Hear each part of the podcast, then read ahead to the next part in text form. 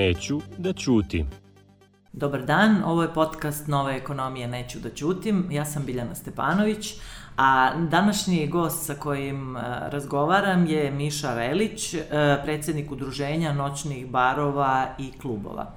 E, noćni barovi i klubovi i gospodin Relić kao njihov predstavnik se dosta protive situaciji u kojoj su se našli, u smislu da ne mogu da rade, da im se ograničava rad, smatraju da ih e, država na neki način mora obeštetiti i onda evo da pričamo i o ovom segmentu poslovanja i o ljudima koji rade u ovoj industriji. Gospodine Reliću, da počnemo od toga da ima puno ljudi koji upravo noćne barove i klubove a, optužuju kao leglo zaraze, Dakle, na društvenim mrežama pojavljuju se fotografije gde se mladi ljudi ponašaju kao da se ništa ne dešava, bez zaštite, bez maski, gusto, da kažemo gotovo sabijeni u tim prostorijama. I sad kako vi gledate na tu situaciju, da li je preče da se spreči korona ili da rade noćni klubovi? Pa da ne bude kako ja mislim da jeste ili nije, Ja ću dati primjer iz Nemačke. Mi jako volimo da se poredimo sa Nemačkom, pa mogu da kažem da su u Nemačkoj pre jednu nedelju dana 11 klubova i barova dobili presudu Ustavnog suda Nemačke da niko nije dokazao da su klubovi leglo zaraze i da su se mladi ljudi ili ovi ili oni ljudi zarazili baš u klubovima. Prema tome je ta priča o leglu zaraze vrlo na tankim nogama. Idemo dalje. Da li su autobusi leglo zaraze? ja verujem da su mnogo veći lego zaraze autobusi nego klubovi. Da li su uh, tržni centri lego zaraze?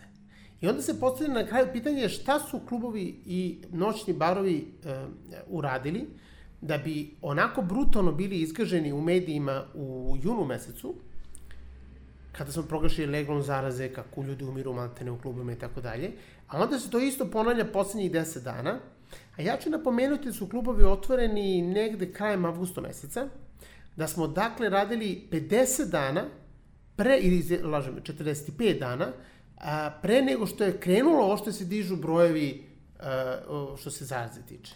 A čekajte, ako, molim... ako smo radili 45 dana, ako kažemo da je inkubacija korone 15 dana, kako je moguće da prvi 30 dana nije bilo velike zaraze i nije bilo nikakvih probleme, a od jedan put poslednjih 5, 5 dana smo mi leglo zarazi, ne znam ja kakav. Dobro, da se mi iz Nemačke vratimo u Srbiju. Mm -hmm. Kažete nema dokaza da noćni klubovi su leglo zaraze, ali nema, nema dokaza ni da nisu. U tom smislu, nije mi dobro poređenje sa autobusima. Autobusom ljudi moraju da se prevoze na radno mesto, na, u školu, kod lekara, vamo, tamo u noćni klub ne mora da se ide. Dakle, bila je, bila je baš velika povika i odijum kako država okleva da zatvori noćne klubove, to sigurno znate.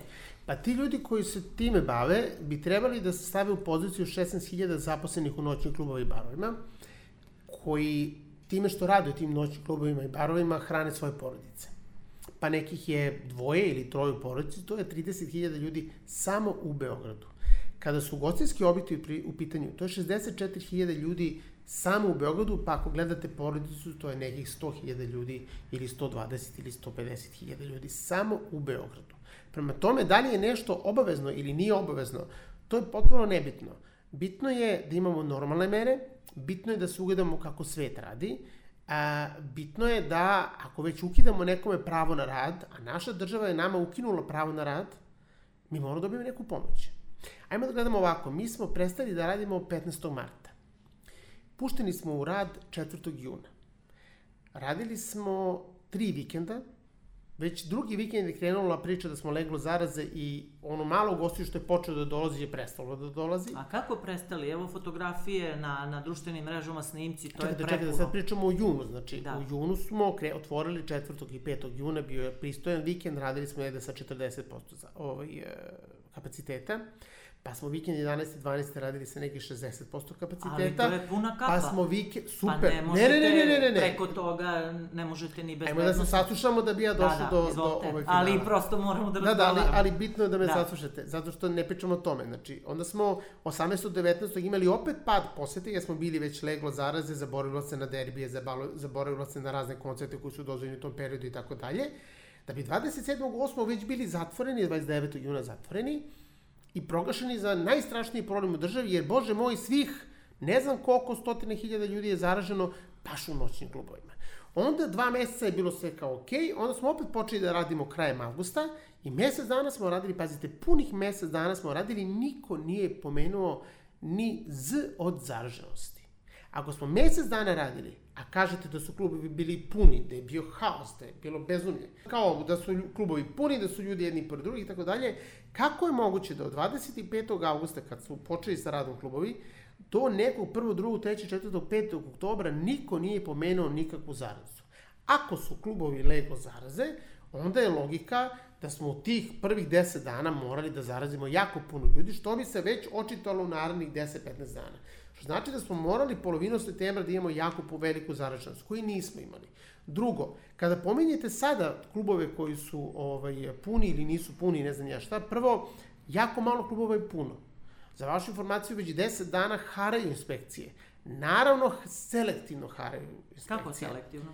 Pa, selektivno haraju. Pa, Nisu svi, pa ne obilaze sve klube. Aha. Ne obilaze sve klube. A šta je kriterijum za selekciju po pa, vašem Pa to ćete saznanju? morati da pitate nekoga ko se time bavi, ali nemojte da pitate mene. Pa ne, ne, ja da vam govorim nešto zašto neko da. zaobilazi neke klubove. Aha. Ja to ne mogu da vam kažem. Znači, ja mogu da vam kažem da postoje klubovi koji dalje rade normalno i postoje klubovi koji ne mogu da rade normalno i postoje klubovi koji su odlučili da uopšte ne rade, jer pod trenutnim pravilima, a trenutna pravila su za vašu informaciju, znači možemo da primimo jednog čoveka na 4 metra kvadratna. Da. Dalje, ukoliko nisu iz iste porodice, može da bude maksimalno dvoje za stolom. Sad govorimo čak da. o restoranima, kamo li u klubima. Zamislite, izlazite sa prijateljima na večeru. Vi trenutno po zakonu ne biste mogli da sedite za jednim stolom. Nego vaši prijatelji na dva metra od vas pa se dovikujete. I zamislite sad restoran da se dvoje po dvoje dovikuju na po dva metra. Znači, potpuna nebuloza. Ja sam razgovarala između ostalog i sa advokatom i ona žena kaže da se suđenja odlažu jer ne može više od pet ljudi da uđe u sudnicu, a njima neka treba šest da socijalne službe ne rade, pa centri za socijalni rad, pa se ni brakorazvodne parnice gde su ljudi u poremećenim odnosima ne završavaju. Deca idu u školu ovako i onako. I pored uverenja da vi naravno brinete, i, odnosno razumevanja da vi brinete svoj interes i svoju brigu, da li vam se čini logičnim da kad ništa od toga ne radi, silne druge profesije propadaju, čovek koji radi metražu, nikomu ne ulazi da kupi metražu, da li zaista sada treba država od svih njih da pomogne baš noćnim klubovima? Prvo, noćni klubovi ne, u poslednjih 7 meseci rade ukupno 2 meseca da država treba da pomogne ljude kojima je zabranjeno da rade. Te sudije primaju plate, te učiteljice primaju plate. Mi ne, ne dobijamo nikakvu pomoć, ne možemo da damo plate, ne možemo da platimo rente, ne možemo da platimo doprinose. E, moji radnici nemaju da jedu, ja im pozajemljujem pare pošto ne radimo. Ja vas pitam šta mi treba da radimo. Znači, šta je država uradila? Država, na primer, ja sam u državnom lokalu. I ja sam 15. marta prestao da radim. Znači, to je kao kada biste iznajmili stan, renovirali ga, uložili jako puno novca u sve to, a onda vam dođe stanodavac i kaže, super si renovirao stan, ali ne možeš da ga koristiš, ipak zamolit ću te da plaćaš rentu i da plaćaš struju. Da li je to normalno? Zamislite da. sad da je vama privatnik rekao zabranjava da koristite Ali prostor. država je zabranila korišćenje prostora i kod privatnika, na isto dođe.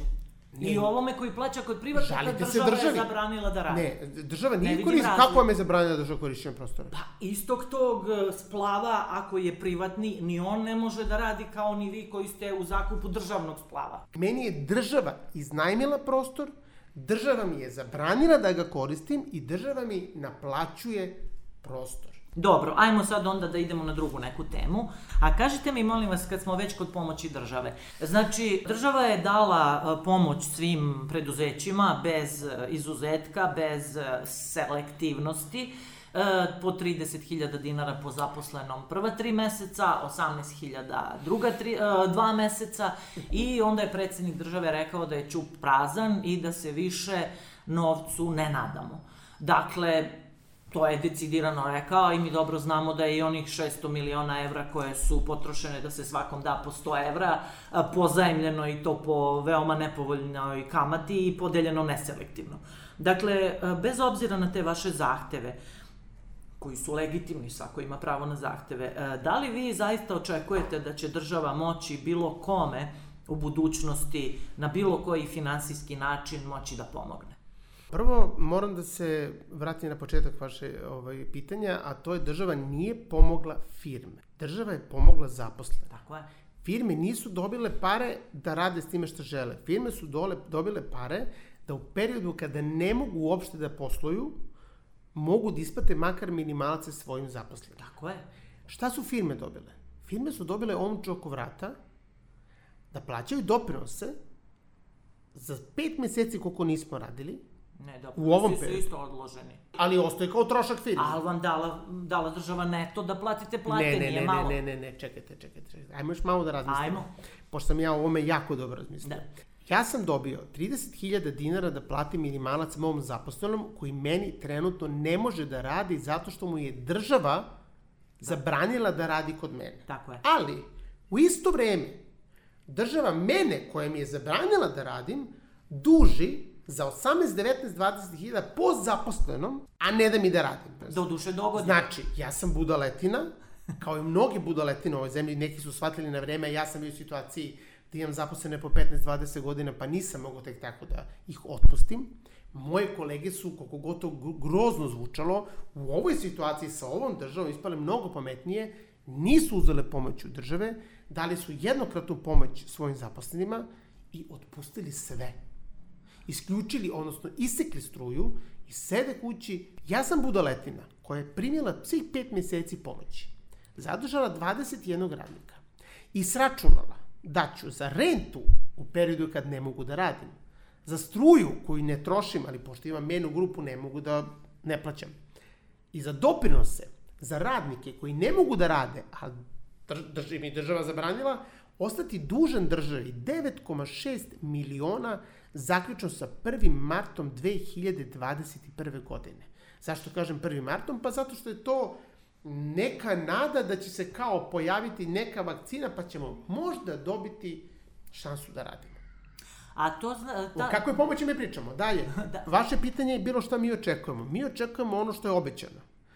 E, gospodin Siniša Malić je izašao prvo u junu mesecu, u, izvinite, u aprilu mesecu i rekao da je jedna od glavnih pomoći u ugostiteljstvu to što ćemo imati brzi kredit koji će biti godinu dana grace period pa dve godine otplaćivanja. Je li to preko Fonda za razvoj? Preko fonda za razvoj. E, vrlo brzo posle toga, neki mesec dana, je Siniša Mali izašao i rekao da imamo novu pomoć za, ovo, ili mesec i pa dana, i da imamo novu pomoć za, za ugostiteljstvo i da će kredit da bude dve godine grace perioda i tri godine otplate. Taj kredit niko nije dobio. Taj kredit od 85 klubova u mom udruženju je dobila jedna firma. Ta jedna firma je dobila 20 i nešto posto od tražene sume, Pritom su im tražili uh, ovaj hipoteku na stan. Pritom sada taj čovek kaže, meni se to ne isplati.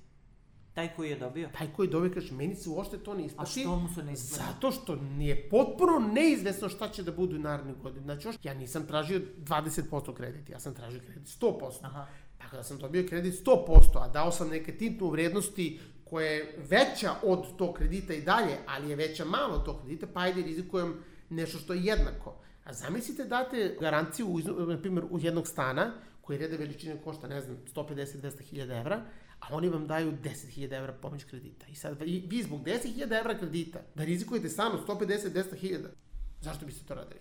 Onda je bolje zatvoriti sve, ugasiti 100.000 nezaposlenih od ugostitelja u, u Beogradu, ne znam, u Srbiji možda 200-300 hiljada, ne znam koliko nas ima ukupno u Srbiji, pa šta ćemo onda da radimo? To je samo ugostiteljstvo. A recite mi, e, upravo sam to htjela da vas pitam, postoje ljudi koji su odbili tu pomoć zato što nisu htjeli da im to veže ruke da otpuštaju zaposlene. A postoje opet ugostitelji s kojima sam ja pričala i oni meni kažu a, nije samo reč o tome, mada i jeste, što i vi kažete, 20 godina neko radi kod vas, nije ga lako ni otpustiti.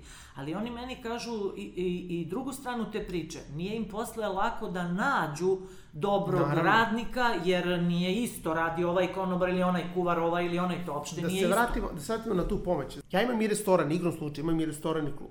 Meni je za restoran mnogo značila pomoć države. Zašto?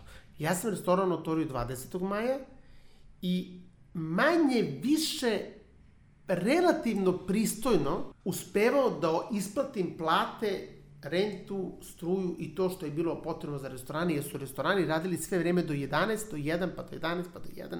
Tako da smo mi koliko toliko mogli da radimo. Da, naši pazari su 40-50% u odnosu na ono što smo radili pre, ali uz pomoć države koja nam je dala onih 30.000, pa nam onda dala 18.000, mi smo sa tom dotacijom uspeli da isplatimo zaposlene. E, to je bilo moje pitanje, da. Tako da s te strane, restorani kao restorani imaju potpuno drugu priču i zato smo mi udruženje noći klubova i barova, jer ne možemo da budemo u istoj grupi sa restoranima i kefićima, kao što ne možemo da budemo u istoj grupi sa apotekama, maloprodajnim objektima i tako dalje i tako dalje, firmama koje su radile sve vreme normalno.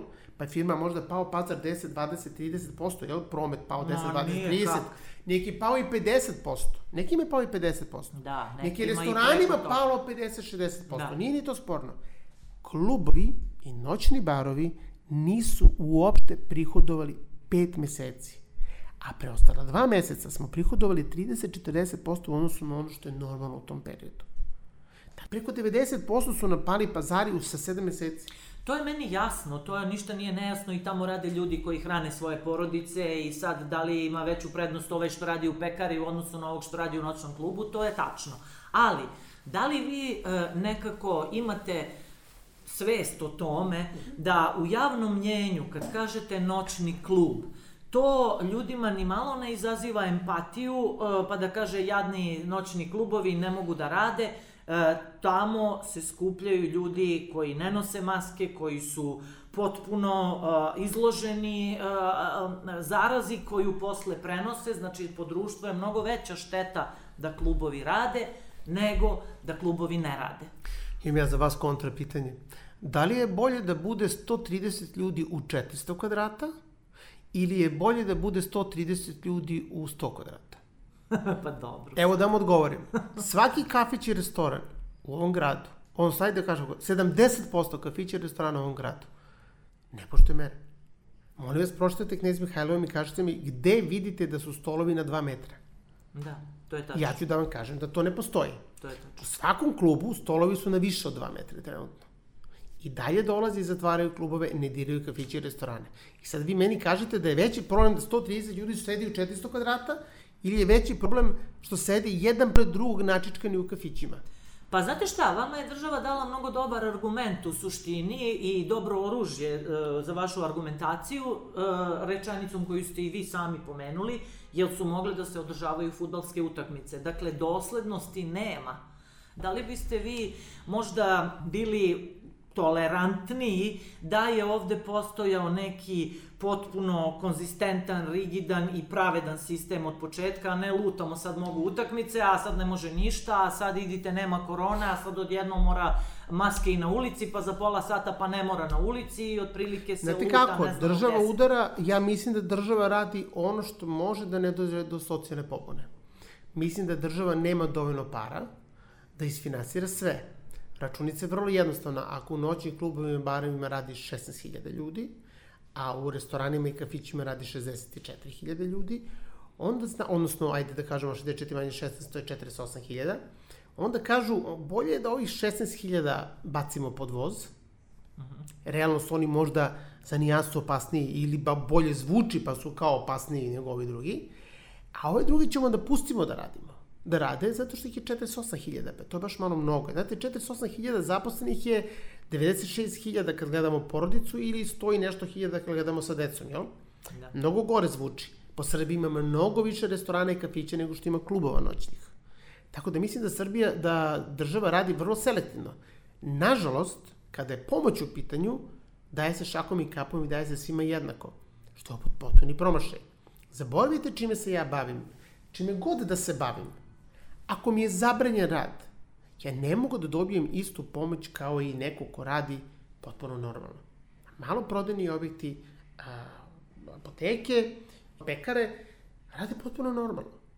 Nemaju nikakva, nikakvo ograničenja. Da li me pao pazar 10-20% ili nije, ne znam, niti me interesuje. Ali ne mogu ja da dobijem istu pomoć koju, koju me je zabranjen da radim, bez obzira s čime se bavim. Kao i ovi koji potpuno normalno rade.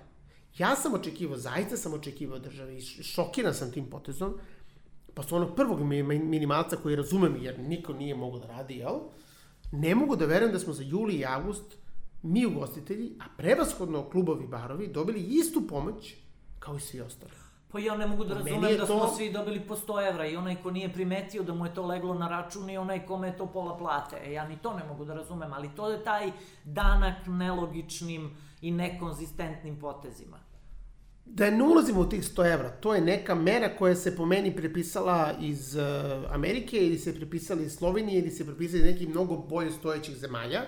Ne bih ulazio u tih 100 evra, ali mogu da kažem da druga mera od 18.000 dinara pomoći minimalca nije smela da bude za sve, morala je da bude za one najugroženije industrije, a to su hoteli, to su uh, turističke agencije i to su noćni barovi i klubovi.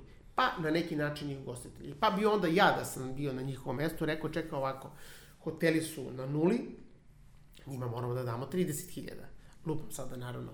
Sad broj- Razumem. A, a, a turističke organizacije rade nešto malo, njima ćemo dati 18.000. Restorani, kafići rade nešto, daćemo im 18.000. Klubove smo uništili, daćemo im 30.000 da bi zadržali sve zaposlene. 2. januara će 10.000 ljudi samo iz noći u klubove barova dobiti otkaz. Što baš drugog. Pa zato što tada ističe onaj period... A, ističe onaj drugi Da, period. Da, da, da, da. Jer ja već sada mogu da vam kažem da jako puno mojih kolega nije uzelo ovu drugu pomoć. Mi smo klub koji pre svega nije klasičan noćni klub, mi smo neka vrsta ustanove, privatne ustanove kulture, pa tek onda noćni klub. Ali bez obzira na to, ja sam pogrešio.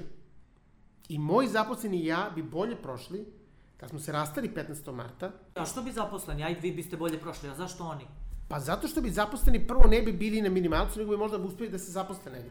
Pa gde ako ne rade noćni klub? Evo, na primjer, svi muzičari koji nisu dobili ni dinara, znači muzičari koji sviraju po klubovima, ukoliko nemaju neko izdanje, znači ukoliko ne postoje negde tamo u soku zabeleženi, nisu dobili ni dinara pomoći. Sad je neka priča da će dobiti neki minimalac i će im dati neka tri minimalca, ne znam šta s tim dogodilo, nisam ispratio, nemojte mu uzeti za reč, ali, na primjer, svi, veliki broj mojih muzičara ili je našao neki posao, ili voze za donesi eh, kom, uh, Volt i ne znam kako zove treći, Glovo, jel? Kako? Da. Da, voze taksi, vo- ljudi se snalaze. A ovako imamo neki privid da smo zaposleni, nešto kao stalno planiramo. Pazite, ja sam, kad smo dobili najavu da ćemo moći da radimo u julu, bukirao 11, znači zakazao sam 11 koncerata. Znate koliko sam održao tih 11? Ne. Nula. Sav marketing koji sam platio za tih 11 koncerata sam bacio i morao da vratim pare za svih 11 koncerata, odnosno neke smo koncerte uspeli da pomerimo, pa smo onda u septembru opet zakazali krdo koncerata, opet bez ikakve informacije da će to se dogodi ili ne, a mi stalno kao nešto radimo, stalno kao nešto borimo se, tešimo jedne druge, ajde, bodrimo se, ajde sad, bit će bolje, možda više neće da se vratim, a da smo znali da će se vratiti, ali nismo znali da će ovakve stvari da se događaju, nismo znali da nećemo dobiti taj kredit koji nam je tako obećan, nismo znali da, ćemo, da nećemo dobiti direktnu pomoć mi kao firme. Za mene bi bilo normalno da dobiti direktnu pomoć kao firme. E, U Berlinu, prva pomoć klubima u Berlinu je bila 78.000 evra po lokalu, većem od, na primjer, 100 kvadrata. Pa dobro, ali to je Nemačka, nemojte podlezati Nisam propagandi državnoj, sedam- da ne, smo ne, ne. mi jači od Nemačke. Nisam ja očekivao 78.000 Pa evra. ne, uopšte bilo Ma koliko. ne, hiljada. ali sam očekivao, sad ću da vam kažem, očekivao sam po metru kvadratnom 50-100 evra lokala. Pa ako imam lokal od 100 kvadrata, da dobijem, ne znam, 5000 evra, Ali na osnovu čega ste vi to očekivali? Pa zabranjen mi je rad. Pa okej, predsednik je rekao čup je prazan. Kome je zabranjen rad? Izvinite, molim, skačete. li? Kako su hoteli dobili pomoć? 350 evra po sobi, 180 ili 150 evra po krevetu. Ako su hoteli to dobili, pa zašto klubovi to nisu dobili? Njima nije zabranjen rad, nego nema turista. A nama je zabranjen rad. A čekajte, sada a, a, cela povika javnosti je zašto rade klubovi u sred Mhm. ove korone, a slušajući vas ja dolazim do zaključka da su najveće žrtve ove korone i sistema i države klubovi. Apsolutno. Nama je jedino zabranjen rad. Kažite mi kome drugom zabranjen rad. Pa ja... Turističke agencije su nešto radile. Ovog leta su turističke agencije nešto radio Egipat, radila je Turska i ne znam šta je još radila. Znači nešto su mogli da rade. Mi smo odradili septembar i tri nedelje u junu. Od 15. marta. Ali radili ste i letos. Septembar i tri nedelje, A, juli, juli, avgust? avgust, nismo mogli da radimo, zabranjen rad. I juli i avgust. Zabranjeno poslovanje, potpuno. Znači, mogu da se radi do 9 uveče, 10 uveče, 11 uveče, tako nešto. Pa to, ali nije bilo za... A mislite to za klub nema... Nije Pa ne- bitno. Da. Kakve to, mislim... To smatrate Da, zabranom pritom, rada. pritom, nemojte da zaboravite da je dozvola okupljanja bila 50 ljudi. Da. Pa je bila dozvola okupljanja 80 ljudi. Jeste. Pa je dozvola okupljanja 100 ljudi. Znači, nama je onemoguće rad. Ja znam šta država radi. Država i sada to radi. Zašto nama država dozvoljava da radimo do 11? Prvo, država zna da mi do 11 ne možemo da radimo. Pod jedan. Niti možemo da ostavimo neki pazar da bi platili sve troške koje imamo, niti nam se isplati da radimo. Jel? Niti su ljudi navikli da idu u klubove u to vreme. Jedna osoba dolazi u situaciju da bira da ili ode na večeru, ili da ode u klub. Zašto je. se mi zovemo noćni klubovi? Ali Zato- menjaju se navike, ja nisam Ma nosila nije masku, pitanje je pa je sad navika. nosim. Neko ko je navikao da večera u 8 ne može da dođe u klub. Mi živimo od broja ljudi, mi prodajemo samo piće. Razumem. Razumete? Jasno. Znači, ako će neko da večera u 7 i da dođe u klub u 9, ja njega moram da isteram napolju u pola 11, da bi do 11 bio 100% prazan i da bi mogao da zatvorim kasu. U minutu do 11. Razumem ja. Prema tome, nama je zabranjen i onemogućen rad. Država šta radi? Država nam govori, vam, mi vama nismo zabranili rad kao u martu, aprilu. Tako je. Ipak možete da radite. Tako je. A onda mi kažemo, pa da, ali znate, imamo 70% manje pazare, a troškovi su nam isti. Pa da, ali, Kako to mislite, ali niste to nam isto- zabranili rad? Čekajte, to isto kaže i žena koja prodaje po slastičarnicama materijale za tortu, jer nema svadbi. To isto Pored kaže. klubova, najgore su prošli ljudi koji imaju sale za proslave i svadbe. Da. Oni su strašno i oni, prošli. Da. Oni nisu dobili dinara. To su neke stvari koje su velike propuste države i ja smatram da bi država to trebala da na neki način obešteti. Vi stvarno mislite država. da ima para i da je to realno? To vas je pitanje. A vi znate da je podignut, da su penzije podignute za 4000 beše, jel? Da, to su dobili, da. Da, da, to je podignuto. I za to se ima para. Pa jeste, ali penzija je minimalac tolika mala da jedva žive, a ovo je luksus. Ajmo još jedno, moji zaposleni nemaju hleba da jedu.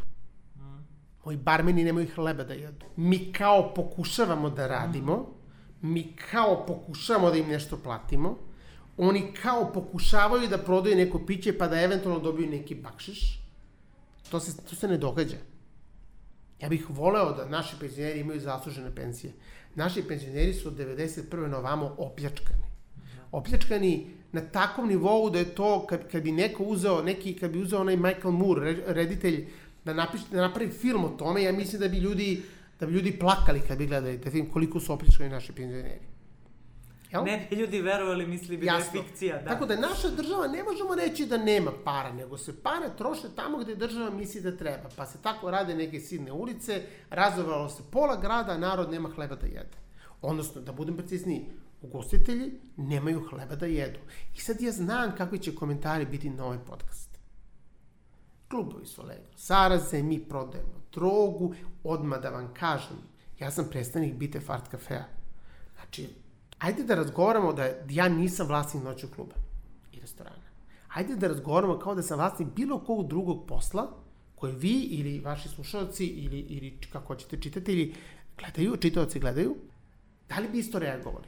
Meni je zabranjena mogućnost rada. Naplaćuje mi se prostor, naplaćuje mi se doprinose za radnike koji ne mogu da ispunjavaju radne obaveze.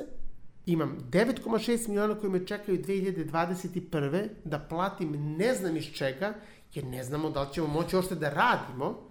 I najverovatnije mi sledi sledeća situacija. Ja sam 2015. godine uložio jako mnogo para, sve što sam zaradio, plus jedan veliki kredit i uložio u novi objekat gde su bili klub i restoran. Cifra je oko 335.000 evra koliko sam uložio. Šta će da mi se dogodi? Evo sad ću da vam kažem. 1. marta ću dugovati 9,6 miliona državi, jel? Najverovatnije i dalje nećemo moći da radimo. Ja ću morati da zaključam objekat, napustim objekat, uspeću da spasem 30, 40, 50 hiljada evra pro- proda, ako uspem da prodam opremu, ako bude se našao neko ko to trenutku hoće da kupi ugostiteljsku i, i muzičku opremu. Ja sam zbog neodgovornog ponašanja države prema ugostiteljstvu bankrotirao. A da vas pitam nešto, ne bi ljudi verovali, ovo prvi put sada i kažem, ali ste me izazvali. Ja sam krajem 80-ih kao dosta mlada držala diskoteku. Mhm. I to je za mene bio dosta opasan posao u to vreme, ali dosta profitabilan. Dakle, to je profitabilan posao, da se mi. Bio. nalažemo. Tela Da. sam upravo da vas pitam da. li imate vi neku akumulaciju koju sad treba da Ja sam imao, da. pa da pokrijete došli teški dani. Evo to ću da vam kažem. Prvo, pos, poslovanje u, u, u konkurenciji 80-ih i poslovanje u, u Rasulu 90-ih nije isto što i poslovanje u nekom koliko toliko uređenom sistemu koji nasledaju od 2001. na ovamo. E, Kad kažem uređeni sistem, mislim na jako puno poreskih zakona koji su dosta opteretili O, i onda nije još bilo rasulo. Čuveni zamp nas je ubijao, to su ovi Sokoj, novac e, sokoj. Imate Da, li vi akumulaciju koju sad možete da izvučete Ja došlo konkretno teško ne. doba? Ja konkretno ne. A sad ću da vam kažem zato, zato što sam moju akumulaciju koju sam imao uložio u novi objekat. Četiri godine pre nego što se dogodila korona i kad sam ulagao u taj objekat, ja sam ovoj državi plaćao neki porez.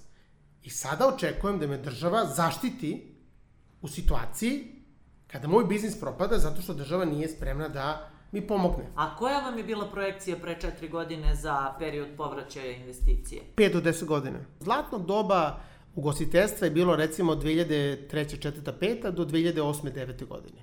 I mi smo tu akumulirali neki novac.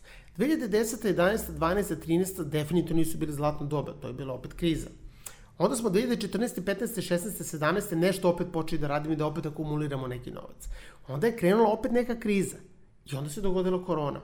Znači, već smo krckali neki taj novac koji je zarađen, neki su uložili nove objekte, neki su, pa pazite, mi ugostitelji renoviraju objekte od prilike na dve godine. Da. Svake dve godine potrošite 10, 20, 30, 50 hiljada evra da bi vaš ob- objekat bio novi, da bi ljudi se zainteresovali i tako dalje i tako dalje. Znači, te akumulacije, ne znam kakve love. Da, sigurno ima kolega koji su akumulirali jako lep novac.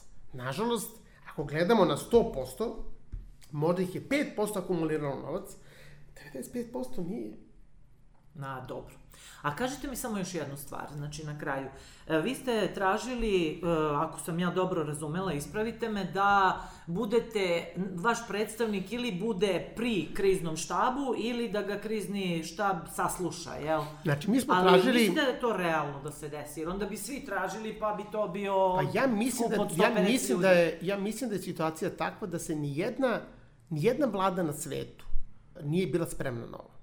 To je moje mišljenje. Da, postoje teorije zavere i tako dalje. Ja mislim da ni jedna vlada na svetu nije bila spremna na ovo što se događa. I da sam ja premijer, kao što nisam, i kao što nikad neću biti, ovaj, ja bih rekao tom kriznom štabu, danas donosimo odluke u vezi sa hotelijerima. Dame i gospodo, da vam predstavim, ovo je jedan od naših najpoznatijih hotelijera, dajte mi vaše predloge.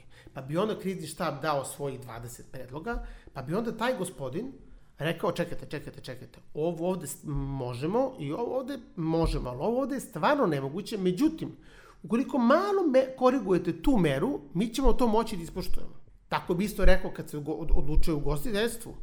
Dame i gospode, evo Miša Relić je tu, on je dečko iz ugostiteljstva, predstavlja toliko, toliko ljudi, iza njega stoji to, to, to i to. Molim vas, dajte vaše mere. Pa bi Miša Relić rekao, čekajte ljudi, nemojte da stavite jedan čovjek na 4 metra kvadratna i nemojte da računate osoblje u to. Jer onda nas dovodite u situaciju da mi ili zatvaramo objekat, ili kršimo mere. Ne valja ni jedno ni drugo. Slažete sa mnom? Ali ja vas pitam da li mislite da je realno da onda i svi ostali krenu tako, pa iz dana u dan da krizni Svi štab kojima se saslušava radi o nekoga? glavi. Kome se radi o glavi u ovoj zemlji trenutno? Odluke kriznog štaba ne utiču na malo prodajne objekte. Ali utiče sve što se dešava i Ma, njima pada pustite, ba jao, daj Bože da na nas utiče tako nešto.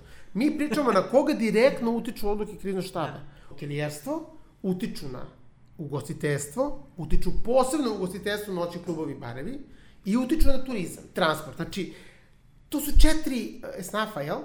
Samo da postoji neko ko će da im kaže, ali ovo je neizvodljivo na terenu. Ne možete da stavite da u restoranu ne može da sedi više od dvoje ljudi za stolom. Pa to je neizvodljivo. To znači da ste mi zabranili da radim. A ako ste mi zabranili da radim, onda gospođo premijerka ili gospođo kogod već da je tu, molim vas dajte mi pomoć, obeštetite me. Zatvorite noći klubove barove. Poslednjih 10 dana u mojoj ulici, svaku noć, su privatne žurke. Po 20-30 klinaca u 16 kvadrata sobama, trešti muzika. Meni ne sme trešti muzika, ja sam čovjek koji ja ne spavam pa ne spavam. Da li je opasnije 130 ljudi u 400 kvadrata ugostiteljskog objekta sa svim merama, jel? Ili je opasnije 30 klinaca u 20 kvadrata. Pa kako ćete sad, ne možete ići po kućama da Pa o tome klince? vam pričam. Zato sve to ima, sve je to povezano. Dajte nam iole normalne mere da mi iole možemo da držimo glavu iznad vode. Da li znate da u Nemačkoj rade klubovi do 1 ujutru? U Nemačkoj rade klubovi do 1 ujutru. Ne, ne znam. Imaju određeno radno vreme od kad do kad mogu da posluju i kako mogu da posluju. Ali je ESNAF kontaktiran, seli su, napravili su plan i program kako će posluju i vidite, ne dao vam Bog da pogrešite mere. E, ja bih jako voleo kad bi seli sa vladom Srbije, napravili i ole održive mere za nas da možemo da dišemo, a da mere e, zdravstvene budu okej, i da vidimo onda našu državu da prema svima primenjuje te mere jednako. To bi bilo jako lepo. Neka kazne budu milionske. Ja vam kažem da 90% ugostitelja ne bi bilo problem s tim. Ali ajde onda da ih primenjujemo na svima. Nikakav problem. Pa samo toliko u ovoj državi da svi imamo jednak tretman i da budemo jednaki pred zakonom i da sve mere budu jednake prema svima i mi ćemo onda biti Da sve mere ne budu jednake prema svima, nego da sve Pravedne mere budu svima. pravedne. Da. To znači ako neko ne radi dobije više, Jeste. ako neko radi dobije manje. I mi ćemo onda biti švajcarska, ali nismo blizu. Ni blizu. Dakle, hvala najlepše. Naš današnji gost bio je Miša Reljić, predsednik udruženja noćnih barova i klubova. Ja se nadam da vam je ovaj naš malo temperamentniji razgovor bio zanimljiv. Ja sam Biljana Stepanović, a ovo je podcast Neću da ćutim, nove ekonomije.